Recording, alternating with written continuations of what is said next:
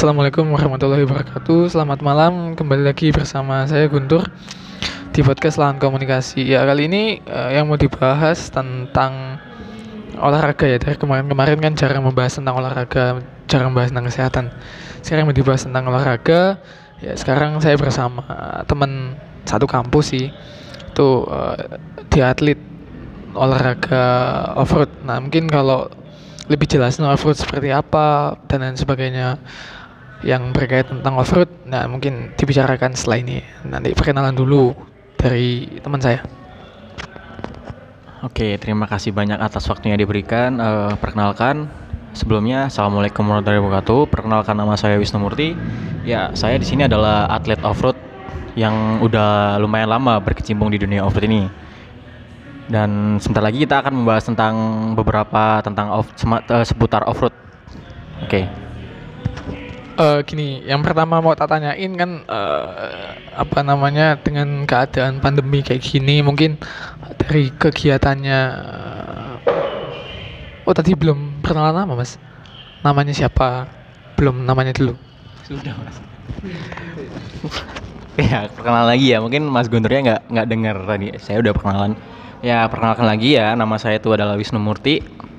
Saya salah satu mahasiswa di Universitas Wijaya Kusuma dan saya juga sebagai atlet off-road. Ini, um, mungkin Mas Wisnu, apa namanya, kegiatan selama pandemi ini apa, gimana? Mungkin bingung, uh, oh guys off-roadan rek, terus apa bingung sampai saya sempat lihat sih di apa story WA atau story IG-nya main over di HP kan mungkin meng, apa ya namanya mengalihkan. Nggak mengalihkan sih. Ya namanya hobi kan namanya kesenangan pasti harus terus berlangsung gitu kan. Karena seneng nggak bisa main tanah langsung main HP aja tapi off road mungkin uh, Mas Wisnu gimana kegiatan selama pandemi ini? Mulai awal adanya merebaknya virus corona ini sampai sekarang itu gimana kegiatannya? Oke, terima kasih banyak. Uh, saya akan bercerita bercerita lebih awal lagi ya, lebih detail lagi ya. Sebelum sebelum ada corona itu seminggu sebelum saya persiapan lomba di Kediri. Itu sebenarnya antara jadi atau enggak, saya lomba di Kediri waktu itu. Itu kejuaraan kejurda, kejurda seri pertama Jawa Timur. Kebetulan Jatim sebagai tuan rumahnya waktu itu. Nah, uh, jujur ya sebenarnya sedih banget sih kalau semisal corona ini masih terus berlanjut. Makanya ya bener yang dibilang sama Mas Guntur, kenapa saya sampai main upload game di WhatsApp berbagai macam game. Itu bukti saya karena kayak kangen off road, saya pengen menyalurkan hobi saya. Salah satunya adalah dengan main game itu, karena game saya juga game off road, nggak ada lagi. Jadi kegiatannya mungkin ya ngegame mungkin ya jaga kesehatan kayak fitness tipis-tipis di rumah terus preparein mobil lagi. Kayak gitu sih kurang lebihnya. Hmm ya berarti kegiatan kurang lebih sama lah sama yang lain. Main main game olahraga di rumah. Mungkin Mas Wisnu ini juga apa? Olahraga pakai fiksi terus pakai topi polos terus pakai apa namanya? Kasetan terus ke tengah jalan snapgraman kayak gitu. Mungkin kayak gitu juga ya tapi nggak tahu lagi sih. Mungkin lagi merebaknya kayak gitu-gitu musiman ya. Tapi nggak apa-apa sih baik sih. Yang penting kan olahraga. Tuh. Ini. Mungkin yang mau ditanyakan gini mas. Uh, gimana kok bisa jadi atlet off soalnya sebelumnya aku nggak tahu sih off itu apa. Aku tahu cuma sekedar pernah lihat di TV olahraganya kayak gimana bla bla bla. Soalnya awal tahu tentang off-road ini dari Mas Wisnu tahu oh off-road gini nanti gini orang. Beda memang orang yang bawa mobil off-road yang biasa bawa mobil di tanah-tanah jungkir balik. Pas bawa mobil di jalan raya tuh ya. Ya kayak anu lah pokoknya. Eh, hampir kecelakaan dan lain-lain itu biasa. Saya sempat pernah pengalaman um, di disetirin sama Mas Wisnu ke beberapa tempat. Itu ya yang yang ada di dalam mobil itu nggak nggak cuma aku tuh sih ada teman juga. Itu uh, apa namanya? Itu teriak kayak uh, apa namanya ketakutan gitu. Mungkin karena Mas Wisnu kan kebiasaan jungkir balik biasa yang lain teman-teman yang lain kan yang belum apa belum pernah pengalaman di kayak gitu-gitu kan. Pasti kan takut gitu kan. Nah ini uh, sampai penasaran. Makanya aku apa namanya uh, ngobrol sama Swiss ini wawancara biar uh, edukasi tentang olahraga itu tidak hanya olahraga yang kayak sepak bola, futsal, basket, volley, renang apa yang yang kebanyakan orang itu uh, mengalami gitu loh. Yang kebanyakan orang main kan olah, olahraga yang sedikit populasinya mungkin di Indonesia. Ya terus mungkin nantinya siapa ken kenapa tertarik dengan offroad? Terus gimana awalnya? Kok bisa menekuni olahraga offroad ini awalnya? Oke, okay, uh, eh, sebelumnya uh, offroad itu adalah olahraga mobil, tapi mobilnya itu beda dari yang lain. Kita menggunakan mobil-mobil jenis Jeep, kayak gitu-gitu hardtop, tapi kita udah modifikasi. Yang kita sebut biasanya adalah tubular. Nah itu juga treknya bukan trek yang biasa kayak di aspal gitu-gitu main belok-belok biasa nggak. Itu ada obstacle-obstacle dan treknya itu naik-naik gunung turun gunung. Bahkan pernah sampai ke sungai-sungai jurang gitu uh, pertama kali offroad itu saya itu di tahun 2013 itu waktu itu kelas 6 SD kalau nggak salah saya itu. Itu pertama kali saya nyupir mobil offroad. Sempet saya pertama kali off road itu biasanya kan dari level yang paling bawah, istilahnya level pemula. Tapi di sini saya dituntut untuk langsung ikut yang kompetisi yang ekstrim di atas dan itu juga bertarung sama pembalap-pembalap nasional lainnya waktu itu. Pertama kali saya nyupir itu saya sempat nabrak pohon kalau nggak salah itu iya. Itu waktu saya latihan sih. Itu benar-benar saya the first time nyupir off road. Ya saya saya di dunia off road ini udah cukup lumayan lama sebenarnya dari 2013 sampai alhamdulillah sampai sekarang. Seiring berjalannya waktu lama-lama lama banyak seneng dan sedihnya. Saya pun juga pernah masuk jurang sebenarnya. Gara-gara off-road masuk jurang sampai patah tulang dioperasi. Cuman saya nggak pernah kapok buat ninggalin off-road. Saya terus berkecimpung di dunia off-road sampai sekarang ini.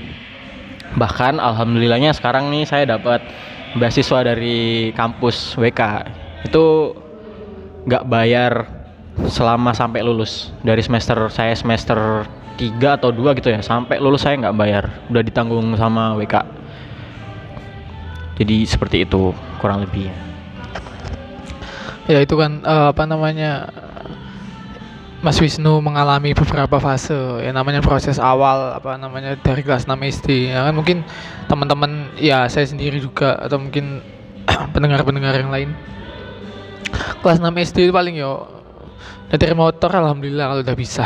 Mas Wisnu udah bisa nyetir mobil kan berarti kan apa ada satu langkah lebih yang pernah dilakukan. Makanya kok sekarang bisa bisa jadi atlet kan. Pasti ada otomat pasti otomatis ada proses-proses yang memang dilalui. Kayak nabrak pohon masuk jurang operasi dan itu wajar lah. Kalau kalau bicara dunia olahraga ya atlet itu pastilah nggak mungkin fisiknya itu sempurna awal tuh apa struktur tulangnya kayak atau apa itu masih masih normal seperti manusia biasanya nggak mungkin pasti ada yang dioperasi lah ada yang apa itu kan. Normal sih kalau di dunia olahraga apa pun itu. Kecuali catur ya catur. Atau mungkin olahraga yang cuma otak aja itu. Kalau yang fisik ya kurang lebih kayak gitulah. Nah itu uh, tadi kan berarti dari tahun 2013 sampai sekarang tujuh tahun lah. Itu pastilah ada pencapaian-pencapaian yang dicapai kan. Apa namanya kayak juara kejuaraan apa uh, masuk apa namanya media apa dan lain-lain. Pernah lawan siapa yang paling berat atau mungkin uh, main di mana yang rally paling ekstrim yang memorable banget? Maksudnya yang akan dikenang terus-terusan kayak gitu lah itu kayak gimana Mas Wisnu? Pencapaian di dunia offroad mulai uh, 2013 sampai sekarang sekiranya apa yang pernah dicapai prestasinya?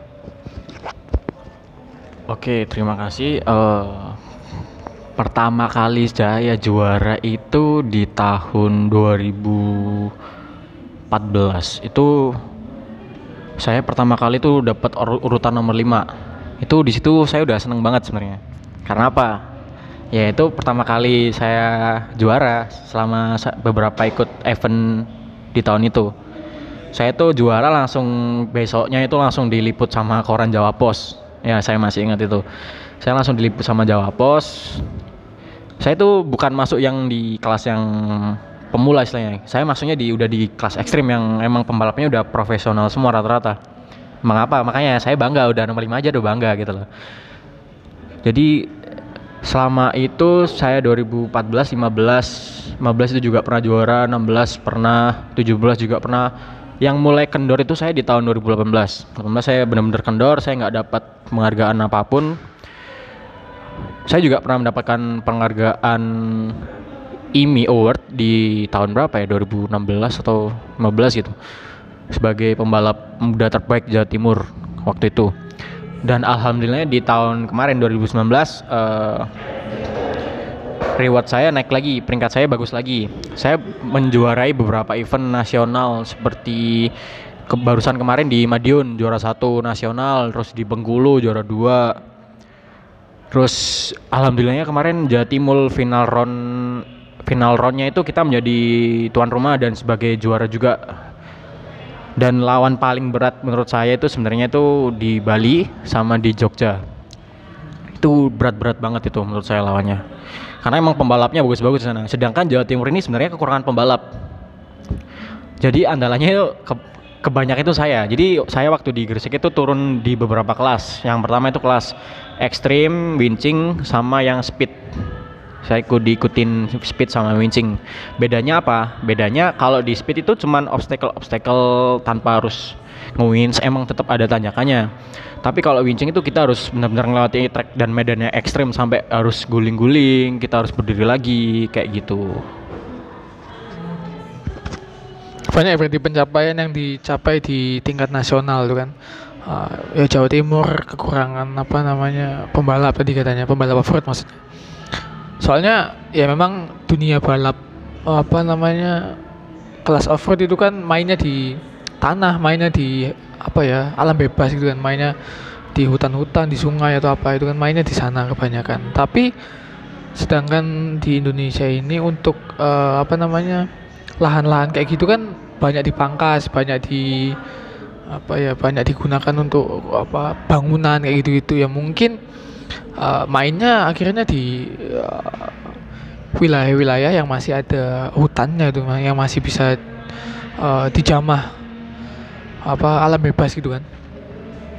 Itu pencapaian-pencapaian tingkat nasional juara satu juara dua di Bengkulu di apa namanya Madiun untuk juara-juara nasional. Ya itulah kenapa uh, perlunya maksudnya gini kenapa kok anak-anak muda sekarang jarang gitu kan yang mau jadi atlet nasional itu ya pasti ada permasalahan-permasalahan apa namanya mulai dari sisi pengelola kejuaraan kan ada apa beberapa organisasi atau perhimpunan uh, olahraga-olahraga masing-masing olahraga di tingkat nasional, daerah, kota itu kan masih ada. Nah, itu mungkin kurangnya apa namanya? pengoptimalan apa ya istilahnya tuh uh, ngetrit atlet-atletnya. Mau dibawa ke ranah internasional pun mungkin sebenarnya nggak kekurangan dana sih Indonesia ini. Cuman kekurangan apa ya? Kekurangan kepedulian mungkin dari dari apa pengelola apa pengelola itunya keolahragaannya. Kayak waktu sempat nonton juga apa podcastnya dari Kobuser sama Taufik Hidayat mantan atlet nasional bulu tangkis kan sampai ditanyain gimana cara memperbaiki olahraga di uh, Indonesia. Satu yang pertama kurang lebih poinnya yang pertama bedakan antara olahraga dan politik. Maksudnya dalam artian gini, ya politik sebagai pengelola, pemerintah sebagai pengelola keolahragaannya, tapi jangan dicampur adukan. Akhirnya olahraga itu dijadikan sebagai ajang komersil. Ya memang bagus. Cuman apa ya? apa ya istilahnya tuh dalam tanda kutip tikus-tikusnya tuh banyak terus jadi besar juga tanya apa langkah selanjutnya kalau mau memperubah apa namanya olahraga di Indonesia olahraga apa pun itu hapus atau mungkin ganti setengah atau mungkin kalau bisa semuanya yang ada di gedung-gedung apa perhimpunan atau pemerintahan yang mengelola keolahragaan itu ganti semuanya setengahnya atau sampai kalau bahkan bisa semuanya karena banyak banget tikusnya di sana. Ya mungkin salah satu penyebab apa namanya jarangnya atlet off ya khususnya yang dibahas kali ini. Mungkin itu salah satunya mungkin saya nggak tahu juga ya. Nanti Mas Wisnu bisa mungkin apa menjelaskan karena Mas Wisnu yang tahu di kejuaraan atau mungkin di organisasi offroadnya itu di tingkat nasional Jatim atau bahkan kota atau kalau ada ya. Itu gimana? Apa mungkin uh, kepedulian terhadap atletnya dari sisi pendanaan apa namanya treatment atau mungkin sponsor atau kejuaraan-kejuaraan bahkan tingkat internasional? Apakah Indonesia ini khususnya offroad ini pernah jadi partisipan di dunia internasional atau hanya penonton gitu kan gimana Mas Wisnu untuk perihal itu Oke, sebenarnya sih emang sih offroad itu kalau menurut saya bukan olahraga yang murah. Offroad itu adalah olahraga yang benar-benar mahal. Karena kita harus membutuhkan mobil yang benar-benar canggih istilahnya. Jadi bukan mobil-mobil sembarangan yang bisa dipakai kayak mobil harian itu bukan. Kita pasti udah uh, modif mobil tubular itu full competition yang di mana juga pasti memiliki dana yang sangat mahal. Salah satu sebabnya kenapa pembalap-pembalap di sini di Jawa Timur atau di Indonesia sendiri itu kurang karena itu tadi uh, biaya yang cukup tinggi. Dan emang para sponsor itu memperhitungkan benar-benar memperhitungkan pembalap-pembalap yang benar-benar apa ya banyak pengalaman sering juara itu yang harus itu yang disponsori sponsor sponsor juga nggak mau udah bayar mahal-mahal cuman pembalapannya cuman ya gitu-gitu aja istilahnya kayak gitu kasarannya jadi juga sponsor itu juga memperhitungkan. Itu sebabnya kenapa sih uh, atlet-atlet off-road di dunia Indonesia ini kok jarang ada gitu, cuman tertentu aja. Uh, ya, ya mungkin yang juara itu mungkin bisa dihitung sih, paling ya cuman itu-itu aja, paling Surabaya, Bali, Jogja, terus berulang kayak gitu sirkulasinya. Ada uh, emang ada beberapa pembalap. Dia sudah disupport dengan mobil yang canggih, cuman dia belum dibekali, dibekali pengalaman yang cukup. Itu juga menjadi salah satu faktor. Jadi harus seimbang antara pengalaman sponsor itu juga harus seimbang.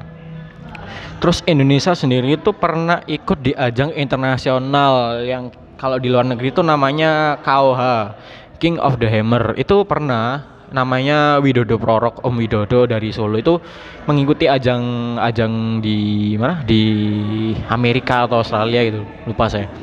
Itu di tahun berapa ya? Udah lama sih dia benar-benar ikut real ikut. Itu bawa benar-benar niat emang saya akui. Dia bawa mobil dari Surabaya. Dia nyitain mobil sendiri. Emang emang dia bengkel terbagus sih selama selama ini di di Indonesia. Dia dia bisa mencontoh orang luar. Dia bisa bikin spare part sendiri bisa mendatengin spare part dari luar. Bagus pokoknya Om Widodo itu.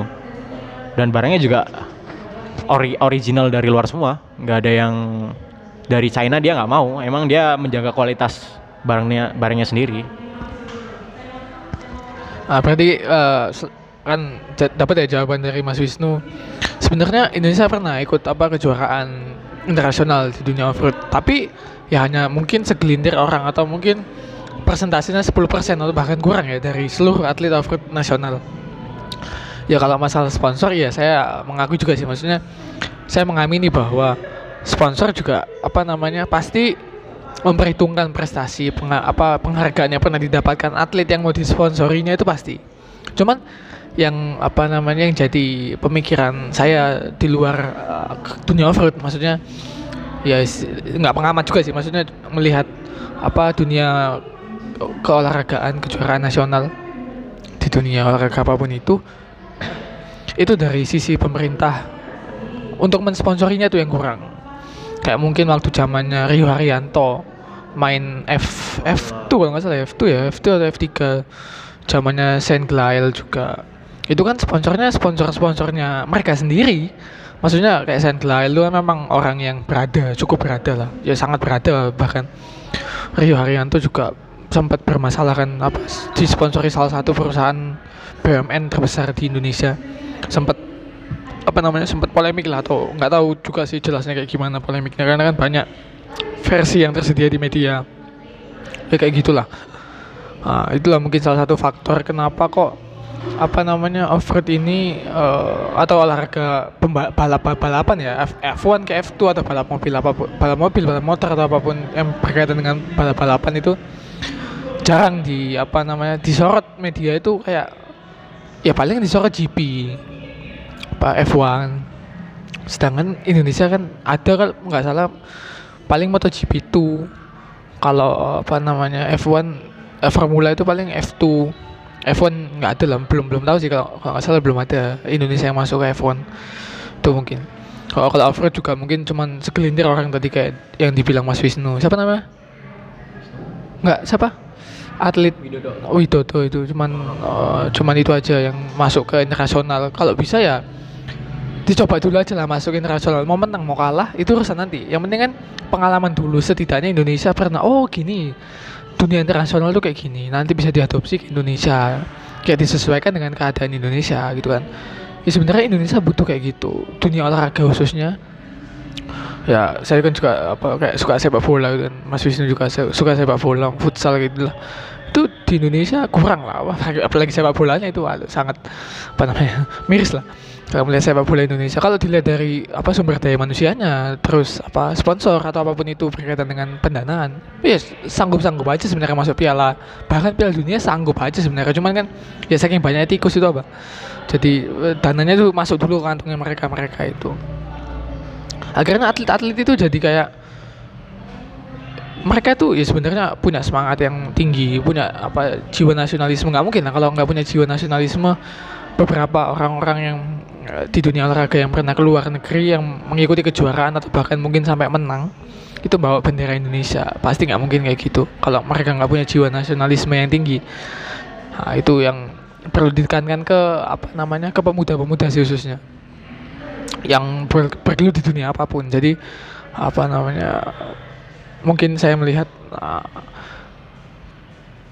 dunia sekarang khususnya Indonesia kayak apa ya cuek aja gitu sama apa presenta- presentasi orang yang peduli lah sama kebaikan negara ini.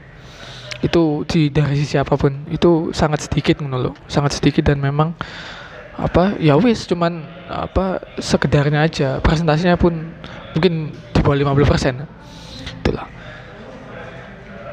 Terus gini apa Mas Wisnu untuk uh, off-road sendiri sebenarnya apa sih asiknya? Maksudnya eh, apa yang membuat off-road itu berbeda? Maksudnya olahraga balap itu kan identik dengan memacu adrenalin kan? Identik dengan tabrakan identik dengan kecelakaan identik dengan bahkan mungkin sampai merenggut nyawa itu. Maksudnya pembedanya apa kok bisa sampai off-road ini eh, mungkin kelihatannya orang-orang wah sih kayak main apa main mobil di tanah itu kan. Apa jungkir balik di, tan- di tanah. Cuman mungkin yang berpengalaman langsung jungkir balik di tanah masuk jurang dan lain-lain tuh apa yang didapat apa namanya dari off-road mungkin dari sisi mental fisik atau apa pun itulah sisi positifnya Oke, di dunia off-road itu sebenarnya banyak sisi positifnya.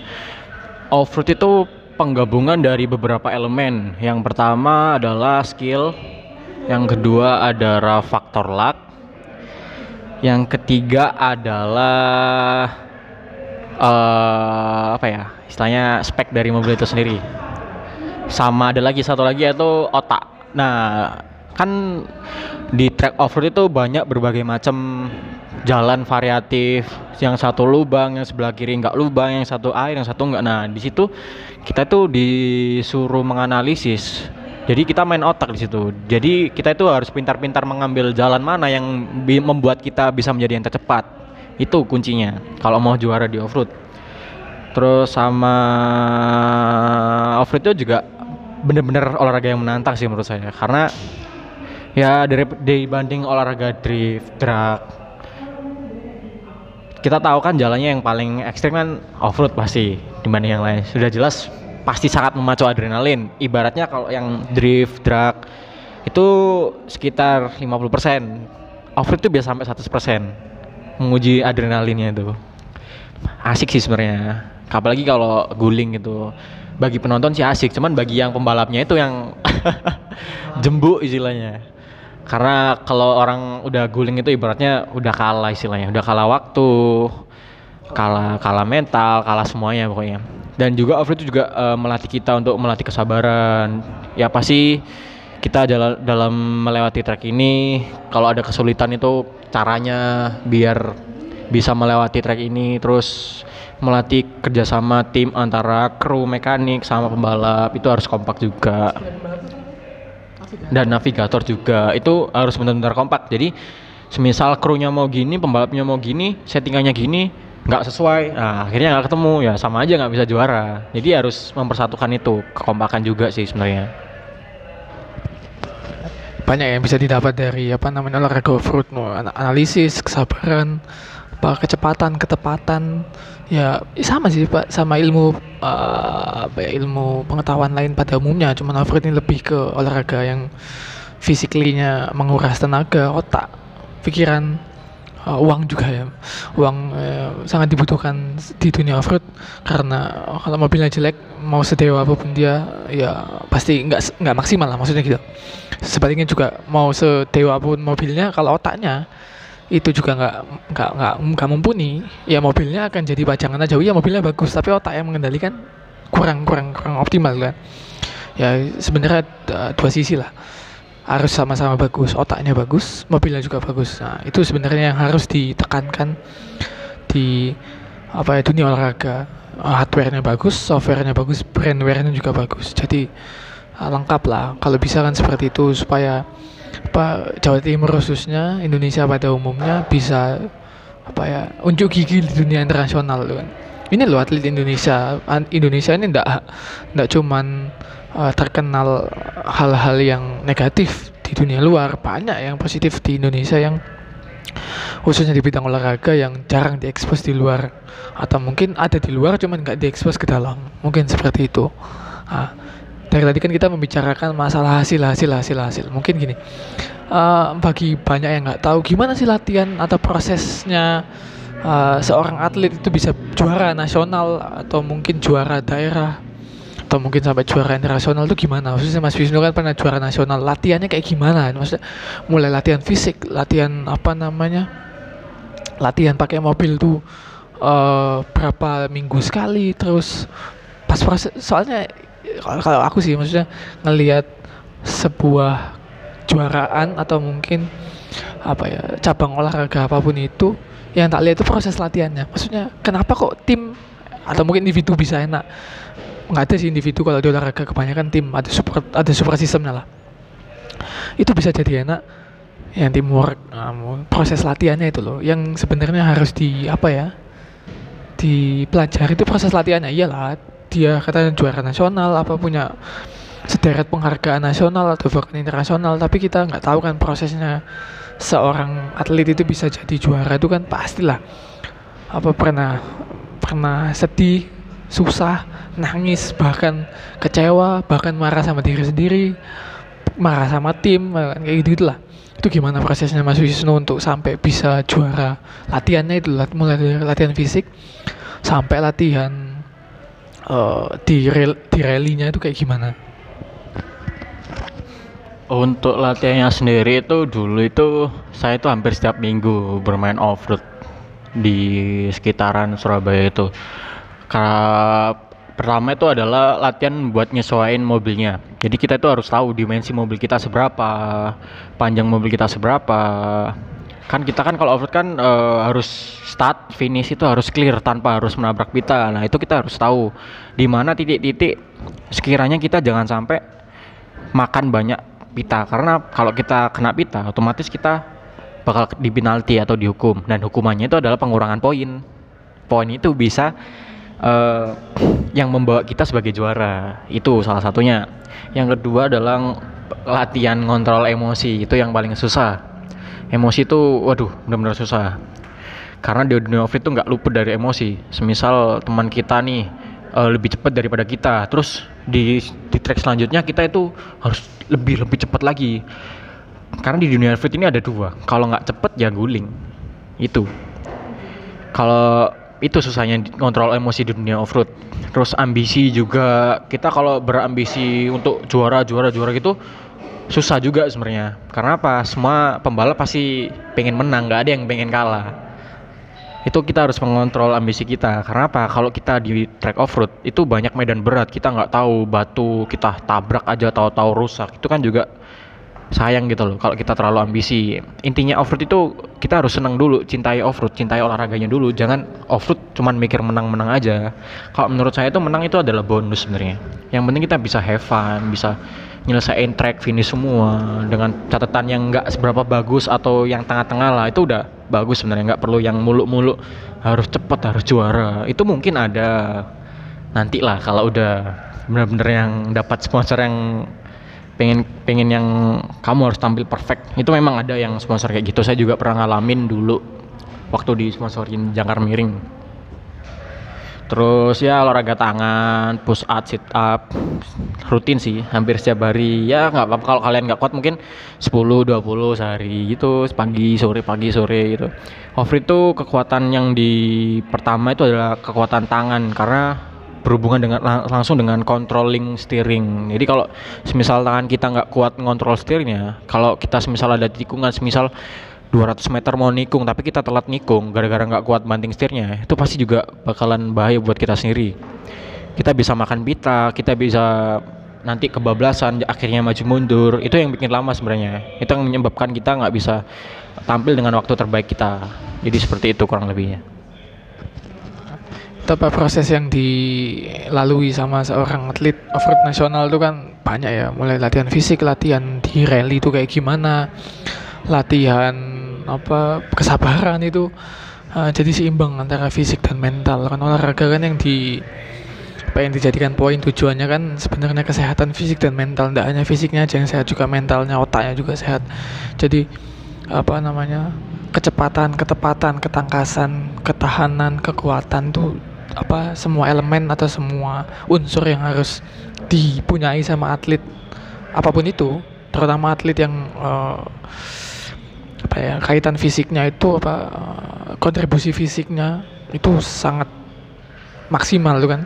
Uh, itu otak juga jangan lupa dilatih gitu kan.